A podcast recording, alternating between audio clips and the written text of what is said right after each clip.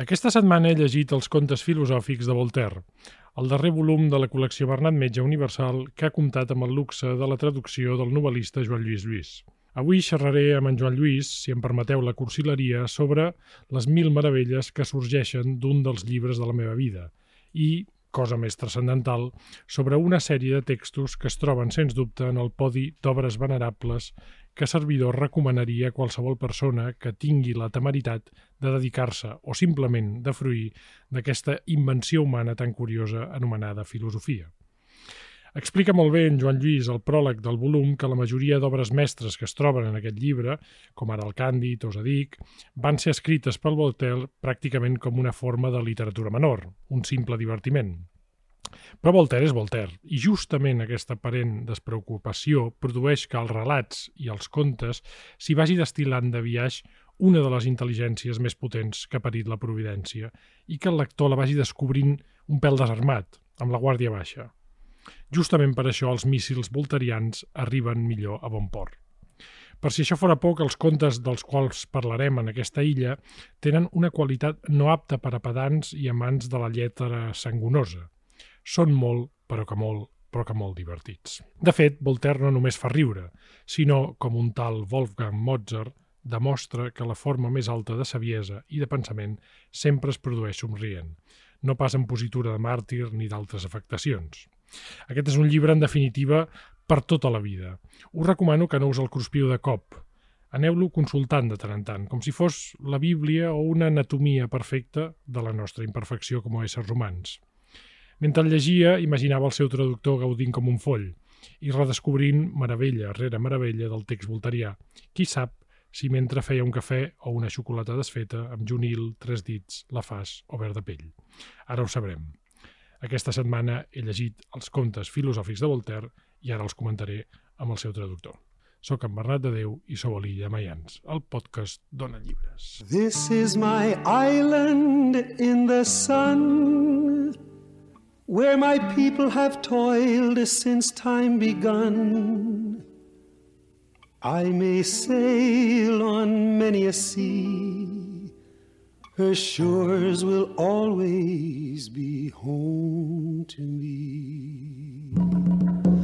Oh, island in the sun Ill to me by my father's hand.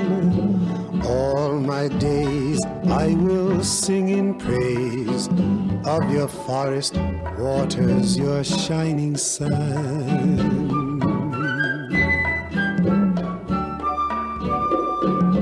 Joan Lluís, ben tornat. Gràcies. Ja rius, eh? Sí, ja... home, tant. ja toca.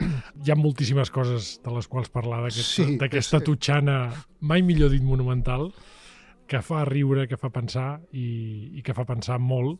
Però a mi m'agradaria començar una mica per la recepció d'aquest llibre, perquè eh, sorprenentment ha estat un llibre molt venut, per dir-ho així, Sí, eh? per, ser, per ser un clàssic. Els clàssics no pel, que, sempre... pel que sembla, jo no m'esperava pas una, una acollida així tan, tan calorosa per un llibre, és un, un text del segle XVIII, un nombre de pàgines Mhm. considerable, un, un preu mm, Sí, sí. més baix del que seria segurament si fos el preu de mercat, però que déu nhi I en canvi sí que hi ha una recepció com si fos una mica esperat Sí, aquest Voltaire. És la impressió que m'ha sí, donat, tot i que no m'ho esperava sí, sí fent, gens. o- fent, fent una mica de sociòlegs de cafè amb llet, Sí. eh, potser aquests temps nostres necessiten. A- la a- ironia, contes. el sarcasme de Voltaire, eh, posats en, en les seves reflexions agudes, la seva crítica no, no constant, però en fi, crítica considerable de tot plegat, sempre és bo.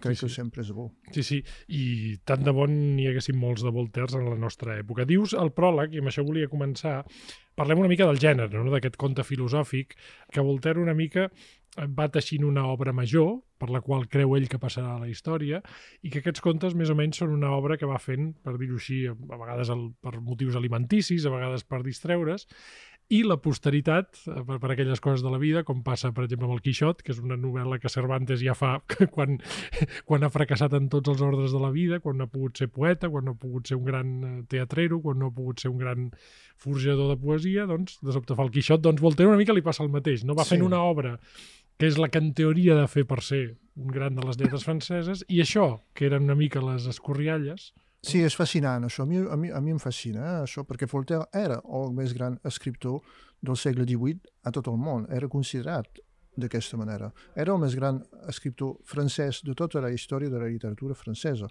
però ho era per textos que ja ningú llegeix avui, des de fa, fa Ah, sí? dècades que ningú Les llegeix, tragèdies. excepte algun erudit universitari que, té, que li ha caigut llegir el teatre de Voltaire, llavors amb paciència i resignació s'hi posa, però uh, el teatre, les tragèdies de Voltaire eren no totes triomfs, però sovint triomfs. El poema èpic que va escriure l'Henriada uh -huh. es considerava del mateix nivell que la Ilíada i l'Eneida. Tal qual, el que deien els crítics. Ha la, ha, hi ha la Ilíada, l'Odissea, l'Eneida i l'Andríada. I avui és realment... amb aquella falsa de modèstia francesa, també, sí, no? Sí, Va, vaig provar, eh? Vull dir, no, vaig provar pensant que no, que no em tocava a mi la, d'haver d'anar fins al final d'una obra així, però vaig provar de llegir l'Andriada i al cap d'un parell d'escenes, de, de pàgines vaig veure de què anava i de, de fins a quin punt, efectivament, no m'interessava i ho trobava sense cap interès estilístic. Per mi s'ha s'ha fossilitzat completament al segle XVIII Uh -huh. i és molt curiós de veure això. I el que hauria pogut passar a Voltaire era ser avui ah, un autor del qual es parlava al segle XVIII i prou. Un autor de I- i- biblioteca. Sí, eh? això, com n'hi ha tants. Però va fer els contes. No només els contes, eh? hi ha altra cosa. Hi ha una part més de, diguem, de militància que avui en diríem pels drets humans i aquestes coses, Mhm. que també val la pena recordar-ho per això.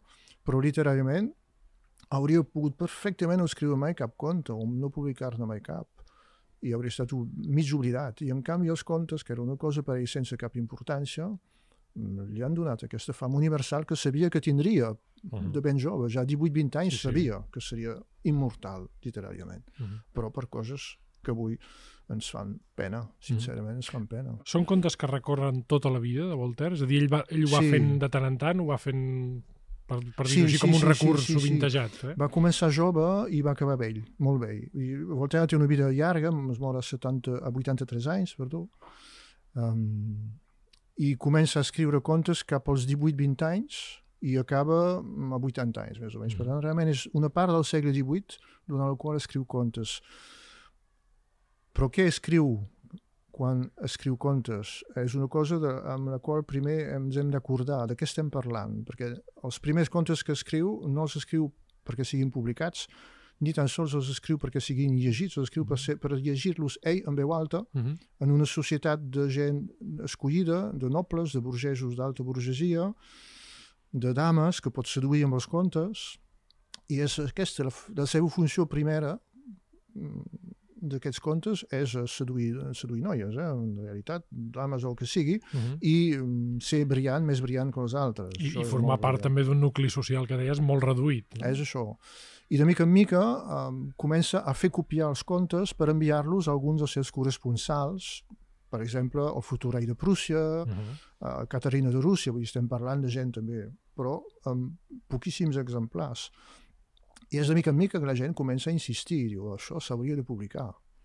I ell no vol, perquè diu, això no té cap interès, perquè per ell no tenia cap interès per una qüestió de jerarquització de gèneres. Al segle XVIII la literatura francesa està molt jerarquitzada, Mhm. a dalt de tot hi ha el poema èpic, i a baix de tot hi ha la, les rondalles, i una mica per damunt de les rondalles hi ha la novel·la i el conte, i prou. Per tant, no li interessa i acaba seguint perquè veu que agraden, perquè pot, pot dir coses amb els contes, pot dir coses sobre la societat francesa, sobre alguns règims europeus, sobre la seva vida també, Mhm. eh, de manera disfressada, però quan publica el seu primer conte, que és Zadig, ell ja té 53 anys, que això no són contes de joventut, no són obres de joventut. Llegint Càndid pots pensar que això ho ha fet com un... com Boris Vian escrivia coses amb la, aquesta, aquesta voluntat d'humor, de post-adolescent, d'estudiant... No, 53 anys, és un senyor, 53 anys, Voltaire, riquíssim, absolutament famós a tota Europa. I quan els escriu sap que s'hauran llegits, a diferència dels primers textos. És No? clar. Sap, sap que tindran una recepció literària i que, i que hi haurà molta gent que els llegeix. Has notat, que, ara que els has traduït tot, que justament hi ha una variació d'estil entre els primers contes més parlats i en els últims? No ben bé d'estil, hi ha una variació d'intenció, diria, en fi, variació. En funció dels contes, les, les intencions poden variar una mica. A vegades hi ha alguns que són en què ell vol simplement ser irònic i sarcàstic, Uh -huh. n'hi ha en què vol realment atacar un ens, per exemple l'Església Catòlica, no parla mai de l'Església Catòlica, sempre és algun, alguna religió asiàtica, vull dir, o que sigui d'egipcis, indis, però en realitat és l'Església Catòlica. A vegades algunes injustícies concretes. Això pot, pot variar d'un conte a l'altre. El que és interessant, el que a mi realment m'ha apassionat en relació a Voltaire és veure la seva evolució personal de com veu la societat en la qual viu Uh -huh. i com va cap a més optimisme cosa que potser en, en la- en l'art vital d'una persona més aviat és, sovint es, fa, Sí. es va cap a un cert escepticisme O estoïcisme, si més no. sí, en el millor dels casos, diguem-ho així. En canvi, Voltaire es torna més optimista perquè veu, constata, i ho diu a vegades bastant explícitament als últims contes, que les coses van millor. Uh -huh. Per algú com ell que ha travessat una bona part del segle XVIII, Uh -huh. uh, mort 11 anys abans de la Revolució Francesa, veu que les llums han produït algun efecte. I potser això no s'ho esperava al començament de quan va començar a posar-s'hi, quan van començar a posar-s'hi tots amics i enemics entre ells tots, Mhm. a, a poder tenir un efecte real sobre la societat. Però veu si en aquell país mm, la monarquia absoluta comença a fer aigües. En aquell país ja no és tan... és- una mica més difícil cremar algú. Uh -huh. Veu, veu que les coses progressen i això es nota. Mhm. Um, Hi ha, hi ha una cosa que m'interessa i que, que és important a l'hora d'analitzar aquests contes i és que Voltaire és un pensador il·lustrat per algunes de les coses que deies, pels seus eh, tractats de la tolerància o les seves reflexions sobre la tolerància religiosa, eh, de la participació política, etc etc. però aquests contes a mi em semblen interessants perquè parteixen, per dir-ho així, del revers de la il·lustració, és a dir, de, pot- potser fins i tot en algun aspecte del cantó fosc del pensament il·lustrat. Una de les coses que, eh, que fa Voltaire en molts contes és aquesta espècie d'estrangeria. No? Tu deies, no parla de l'Església, parla d'un culte estranger, no parla de l'home, parla sovint d'uns alienígenes. Hi ha una voluntat eh, que ja veiem en altres autors francesos o en altres, per exemple, autors operístics, de, eh, en un segle que es mira molt l'home a si mateix, treure-ho de la seva zona de confort. Per això eh, sempre et confon el lector una mica parlant-te d'éssers sobrenaturals o éssers molt petits o éssers molt grans i aquesta voluntat de treure't de, del, del centre, és a dir, de, de dir que l'home no és el centre de totes les coses, tot i que al final tot derivi en ell, és un gest genial. És un gest molt interessant. Sí, bé, en el cas de Voltaire és, és un moviment, diguem, jo diria complex, progressiu i a vegades contradictori, perquè Voltaire té també moltes contradiccions. Com tots els homes interessants. Sí, sí no, això, això, això segur. Eh? S'interessa realment, per exemple, per l'hinduisme. Uh -huh. És, es coneix, al segle XVIII es comença, hi ha jesuïtes que comencen a escriure llibres, que comencen a traduir coses, i ell s'interessa molt per l'hinduisme i pensa de debò que l'hinduisme és una civilització superior a la civilització europea. L'hinduisme com a religió i com a societat, les Mhm. dues coses. No? Per tant, hi ha una, hi ha una part de- d'admiració sincera a vegades, però també, per altra banda, utilitza un brahman per criticar un bisbe.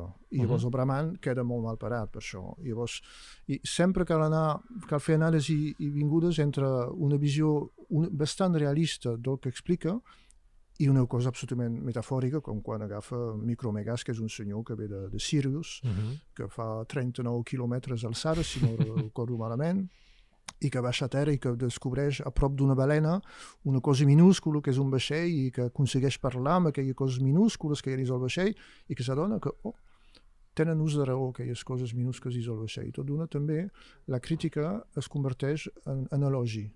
Els humans no som res, vivim, ell diu sovint, en, un, en una bola de fang, Uh -huh. però sabem raonar. I això és miraculós. Uh -huh. I això, això travessa la seva obra. I tra travessa de manera contradictòria, dic, perquè ell era, mm, havia, diguem, renegat sense dir-ho del catolicisme, es declarava deista o teista, segons els casos. Per tant, hi ha un ésser superior que ens ha creat a tots, però no li interessa el que fem, Uh -huh. més enllà de si fem bondats. Um, però això li provoca molts problemes personals i intenta, intenta sortir-se'n com pot, no se'n surt gaire bé, i li cremen molts llibres, eh? Però per altra banda també no és un revolucionari, en cap cas. Uh, segurament hauria dit pestes de la Revolució Francesa. Segur. Era monàrquic, profundament monàrquic, era, avui diríem, classista. Sí.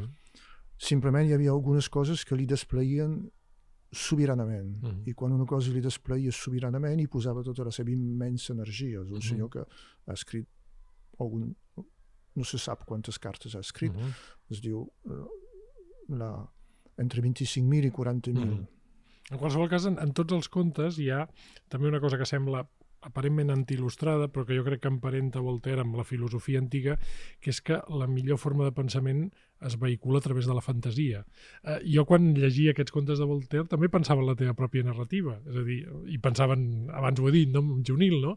en com a través de la fantasia i a través del conte podem explicar la racionalitat humana. I és aquesta paradoxa tan curiosa. No és a través de, de, de la fantasia, és a través del viatge, és a través de, de personatges que són persones però més aviat són eh, ens, que podem explicar les coses Sí, més sí, clar. raonables. És a dir, per explicar allò més raonable, curiosament, o allò més nostre, justament hem de sortir de nosaltres. Eh, això, és un, ge- això és un gest netament volterià que jo crec que tu se t'ha Sí, eh, impregnat d'alguna manera. tant, jo i tants altres. Sí, es diu sovint que la novel·la és una mentida que diu moltes veritats. Per tant, posats a fer mentides, també podem anar cap a la mentida que no descriu la realitat, sinó una altra realitat que ens pot explicar coses de, no, de nosaltres mateixos. Voltaire ho fa molt, però se'n penedeix una mica. Uh -huh. Al final, diu que la, ell diu que el seu conte preferit és l'ingenu, Sí. que és un dels tres o quatre contes més llargs, i diu que una de les raons és perquè no hi ha res de fantasia. Tot és relativament realista. Uh -huh. I crec que s'equivoca. Jo aquí crec que realment s'equivoca. Crec que Voltaire no sabia gaire jutjar el que escrivia. No, no era gaire lúcid sobre Bueno, el perquè valor. és el que deies, el, el, el que dius al pròleg, que ell, ell eh, és presoner també de la seva figura pública. Eh? És a dir, ell quan se n'adona que pot escriure d'una altra manera, quan ja és un gran escriptor, Sí, clar. que és el que desitja molta gent. És a dir, hi ha molta gent que desitja ser escriptor, no fer literatura. I això, i això encara passa ara i es veu. És a dir, quan, quan, tu, tu veus la, la, la gent que escriu sobre el que toca, la gent que fa la novel·la que toca, i, i jo crec que ell se n'adona d'això i, i va, mm, mica en mica, va pouant més d'ell en aquesta literatura. No? I per això també sent contradicció respecte a alguns dels seus contres, perquè veu que també s'hi està deixant l'ànima en aquests relats. No? Sí, sí, això és molt interessant veure en quins contes ell hi és com a personatge o no, Uh -huh. o com es disfressa. Es disfressa molt, eh? molt, més, molt més que Jean-Jacques Rousseau, per exemple, que Rousseau directament escriu a la primera persona i explica Mhm. la seva vida, i Voltaire detesta Rousseau, l'ataca de manera molt injusta, sovint, amb, amb una mala fe terrible. Molt, molt. I a nivell personal Sí, també. sí, és, um, és, per mi és una de la part fosca de Voltaire. eh? Els atacs contra Rousseau crec que realment va ser d'una dolenteria Mm. poc perdonable, però en fi, vaja. Però um, Voltaire, la, la pregunta aquesta fins a quin punt un autor és en els seus personatges, Mhm. evidentment, és, és lícita per qualsevol autor i qualsevol personatge, i és un exercici, no sé fins a quin punt uh, fàcil o factible, perquè hi ha sempre la possible màscara que amaga una altra màscara, Mhm. que no és la màscara de veritat, etc. Però quan es veu Voltaire, jo m'ho he passat, quan mi dic, Mhm. aquí sí que és ell, jo m'ho passo molt bé, perquè tinc l'impressió de sentir-lo parlar, i potser m'equivoco, eh? Mm. I per mi el, el personatge en què ell es devia haver identificat més, segons la meva opinió, és Zadig. Sí. Zadig és clarament és un noi, un home jove, molt intel·ligent, molt superior a qualsevol altra persona, però que no pa passa de desgràcia en desgràcia. I És curiós perquè el Càndid ha, ha passat a la història de la literatura com el seu conte més brillant, però jo sempre he considerat que el Zadig és una absoluta obra mestra, perquè realment també és una mica una espècie de job, però en, en il·lustrat, no? És una persona que diu, escolta, jo ho faig molt bé, sóc Sí, el millor, quin problema hi ha amb mi, no? I, Sí, i sí. en aquest sentit crec que Voltaire teni, tenia moltes vegades aquesta sensació, no? Que, es, que espera més de mi, no? Sí, sí, sí, sí. És, és, constata aquesta cosa ho- ho- horrible, suposo no, que encara existeix avui, eh? però la intel·ligència no és suficient. Si tens davant algú més poderós, encara que sigui un imbècil, és ell que mana. Exacte. I avui ho veiem, però al segle XVIII devia ser molt cruent, perquè hi vivíem tot de nobles, que eren una colla d'imbècils, algun Sí, sí. devia ser molt intel·ligent, evidentment, però hi havia molts, I, per això et deia abans que, que és una mica el revers de la il·lustració. És aquesta, sí, Vol, sí. Voltaire fa un gir. La, la intel·ligència és important, però no n'hi ha prou. I això, mm, que, que es llegeixi en català és important, perquè nosaltres som un poble molt, molt naïf. Sí, fem Consi molta bondat. Eh? Considerem que, la, que no només que, que sent bons intel·ligents ens anirà bé la vida, sinó que sobretot l'altra gent ens donarà la raó i fins i tot els nostres enemics. Llavors, sí, jo, jo crec que una, una bona dosi de Voltaire és important perquè és molt realista en això. Efectivament. No? Fet és, diu, ell va dir que era exactament per això que volia ser ric i ho va aconseguir abastament. Es, es diu que potser tenia una de les fortunes més grans a França. Va uh -huh. fer coses legals i potser coses no tan legals amb amics seus molt rics, però per ell era la llibertat. No deixar de dependre dels nobles, dels reis. Va tenir molts problemes amb bastants reis, o més sí. amb dos.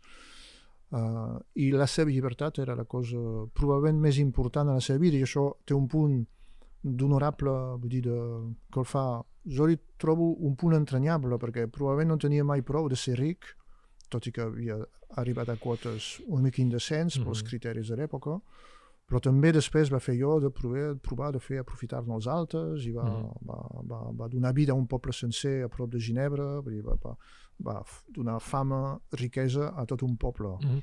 a, a mi hi ha, hi ha una cosa que m'interessa i que especialment de Voltaire i que crec que també el fa molt, molt actual.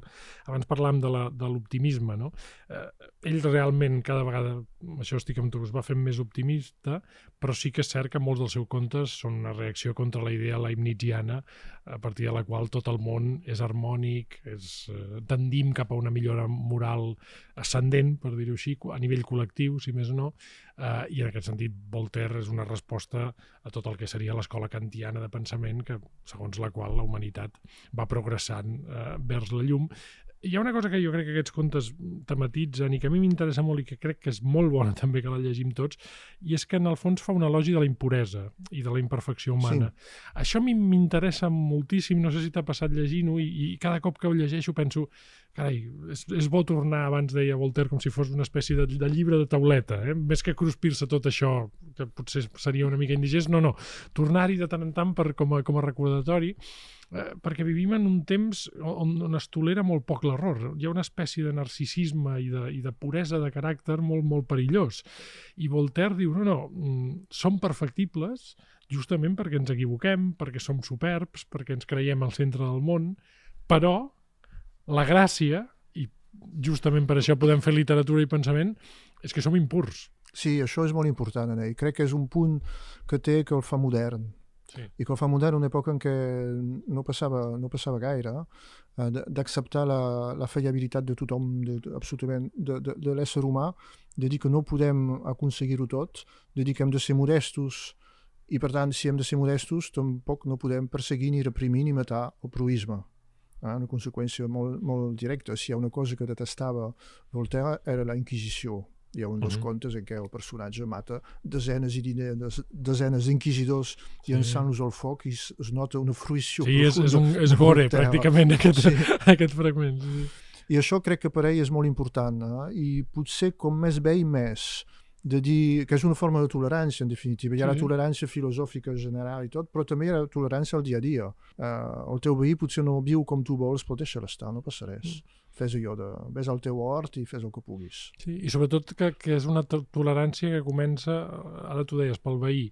Uh, Voltaire, i amb això sí que és antirrocionar, no és tant de causes comunes com de causes particulars. Sí. En aquest sentit és molt més liberal. Eh? Per, això, sí. per això hi ha un pensament liberal que, que sorgeix de, de Voltaire. Sí, eh? sí, és molt complicat ficar Voltaire en, en l'arc dret-esquerra actual, perquè per algunes bandes era molt conservador i per l'altres molt progressista i per tant Mm, ens pod en podríem parlar, però sí que um, aquesta cosa individual crec que és a l'origen d'allò que per mi el fa més noble i honorable, que és la seva defensa dels drets humans, mm. que no defensa causes genèriques, filosòfiques, sinó que va a, lloc, a coses concretes. Un senyor va ser uh, executat a Tolosa perquè havia pretesament matat mm. el seu fill perquè s'havia volgut convertir al catolicisme. I això és injust. I llavors engega ell sol, ell sol una campanya massiva durant mesos i mesos, escrivint centenars de cartes, escrivint pamflets a tot arreu, fins que accepten de tornar a jutjar aquell home, que ja s'ha mort, però tot. Sí, sí. I és aquesta cosa, a partir de l'individu. I va aconseguir salvar algunes persones de, del Cadafal així, fent campanyes ell sol allà, perquè una persona val la pena. Uh -huh. um, tot això, eh, ara parlàvem de, de com això també t'havia afectat, diguéssim, com a narrador. Abans he dit que potser estaves traduint això mentre a l'altra banda de la taula sí, i, tenies, sí. i tenies a Junil sí, i a sí. Tres Dits. Uh, com ha estat aquesta cohabitació? Perquè, perquè no, no deu ser fàcil, no?, passar d'una cosa a l'altra, no? Bé, um, jo quan escric novel·les meves no m'adono gaire del que fa l'altra mà. Vull dir, la meva mà esquerra, la meva mà dreta, això intento, perquè si no sí que pot ser complicat mentalment. Sí. Eh? Uh, I en aquest cas em, em va funcionar bastant bé. Però de tant en tant sí que vas, vas pensar això que fan aquí, Junil amb els seus companys, hi ha alguna cosa com de conte? Mm, D'on deu venir això? Sí, hi ha algun comentari de mala sí. llet potser voltaria. Sí, i, no, i després rellegint-ho amb calma, rellegint Junil amb calma, just l'última relectura, o la penúltima que vaig fer, i, i vaig pensar, i va, no vaig arribar a subratllar, però sí que vaig pensar, això potser sí que és degut a Zadig, això potser sí que és uh -huh. degut i em va agradar molt, eh? la veritat. Ho vaig trobar molt bonic que em fes aquest regal, eh? dos segles més tard. Eh? Bé, aquest, aquest, també, també els Junil busca el seu paradís, no? Sí, clar. I busca sortir de la intolerància i a través d'un camí rodejat d'éssers perfectibles troba la seva llum, no? Això. En, en aquest sentit és un personatge volterià. Per acabar, Joan Lluís, com és l'estil de Voltaire? És a dir, com és la llengua de Voltaire? Perquè aquests contes realment són molt habilidosos en, eh, com deia a l'inici, no? en, en, en filtrar idees d'altíssima volada filosòfica, però a, a través d'un llenguatge molt, que almenys per la traducció ens sembla molt, molt pla. No? És una prosa relativament fàcil. Eh? Evidentment, amb els arcaïsmes del segle XVIII, que cal veure això, hi va haver com una negociació amb els editors a veure fins on anem de reconstituir uh -huh. arcaïsmes o fins, això sempre és un punt delicat eh, de, de, de traduir literatura de segles enrere però és una, és una llengua relativament fàcil i àgil eh, hi ha una modificació que sí que he fet i que ha assumit molt és suprimir els punts i coma Voltaire escriu amb una enorme quantitat de punts i coma uh -huh. alguns dels quals des de la, la sintaxi d'avui incorrectes perquè que em posava a vegades sis.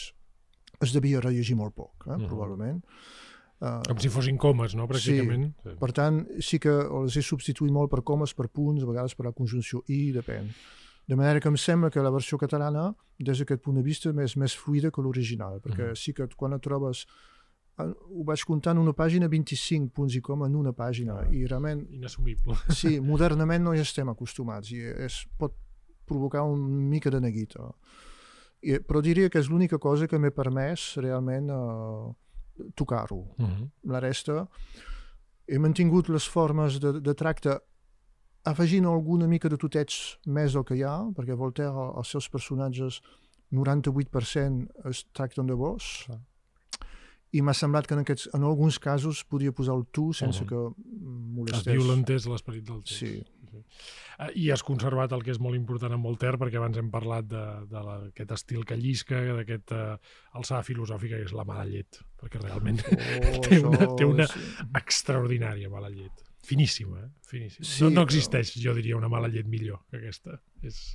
és humor, més ironia, més sarcasmes, més mal humor, dona un resultat -huh. que pot ser a vegades espectacular. També voldria matisar-ho.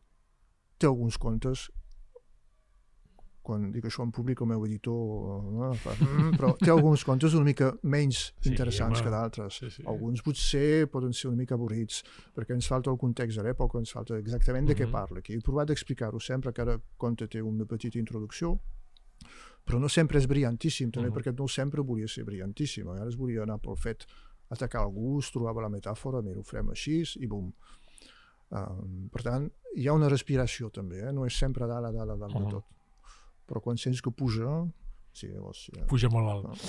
um, ho torno a dir el, ho he dit a l'inici i acabarem així uh, moltes vegades molta gent em pregunta escolta, estic començant amb la filosofia i jo diria que és una resposta que serveix també per estic començant a escriure o estic començant amb el periodisme o estic començant amb l'opinió quin llibre he de llegir? Mm, senyors i senyores, vagin de cap cap a aquest uh, espectacular llibre de Voltaire, que ara per fi tenim en català, era una mancança per la nostra llengua no, no tenir-los tots, no sí, tenir-los sí, ordenats són tots. així. Això per mi és un Ah, goig. En català és, siguin és, tots... és un goig i una sort. És un nou títol, anava a dir indispensable, de la col·lecció Bernat Metge Universal, però és que tots ho tots són, ho perquè són, tots realment són. no sabem per on començar, però eh, amb això, jo que sóc voltarià i parcial, us diria que si heu de començar per un, comenceu per aquest, i sobretot no hi ha pressa. Eh? Ara, que No. ho fem, ara ho fem tot a cop de tuit i, i, i sembla que haguem de, de, de llegir-ho tot. Aneu-los degustant i sobretot, i així, espero que us hagi ajudat el, el programa d'avui amb, en, amb en Joan Llis, sobretot més enllà d'entendre o copiar-ho, eh, més enllà de l'estil, més enllà del, del que expliqui, l'estil, la mirada voltariana, jo trobo que és, és immersible i, i en els nostres temps, i en el nostre país, per cert, més, i ara que la llibertat d'expressió doncs, es torna a posar entre parèntesis, jo crec que Voltaire, eh, i potser això, Joan Lluís, explica l'èxit que ha tingut, no?, Pro, llibre, probablement. eh, perquè vivim en uns temps que tornem a les inquisicions, no? Quan hi va haver els atemptats aquell a Charlie Hebdo, Uh -huh. El Tractat de la Tolerància de Voltaire va ser un dels llibres més venuts durant unes quantes setmanes i que pot generar aquesta fam de, de tornar a veure què, què, deien, què deien la gent que en sabia en aquells anys, què deien que avui encara ens pot alimentar i Voltaire alimenta. Oh, i tant. Així doncs, llegiu Voltaire i, vaja, cosa que hem dit, però insistim, és que a més a més us ho passareu molt bé. És Sí. que si, si per tot això fora poc, és que realment eh, és molt difícil fer riure amb un llibre, així com fer plorar eh, té el seu mèrit, eh? però és més fàcil que un llibre et faci parar de, de, eh? perquè Algú- t'estàs patant de riure. Algú que no sabés com començar, li aconsellaria un conte petit del 1759, que és l'any en què va publicar Càndid, que es diu Història d'un bon bramant, Eh? que és molt curtet, fa tres pàgines, i eh, ens posa davant d'un mirall molt divertit i mm, que val, realment val la pena. Són tres pàgines. Comenceu per aquest i ja veureu que us donarà ganes de llegir-ne més. Així farem. Uh, Joan Lluís, moltes gràcies per tornar. Quan hi hagi un conte nou, ja ho saps, uh, l'explicarem aquí. Ja, gràcies. Salut.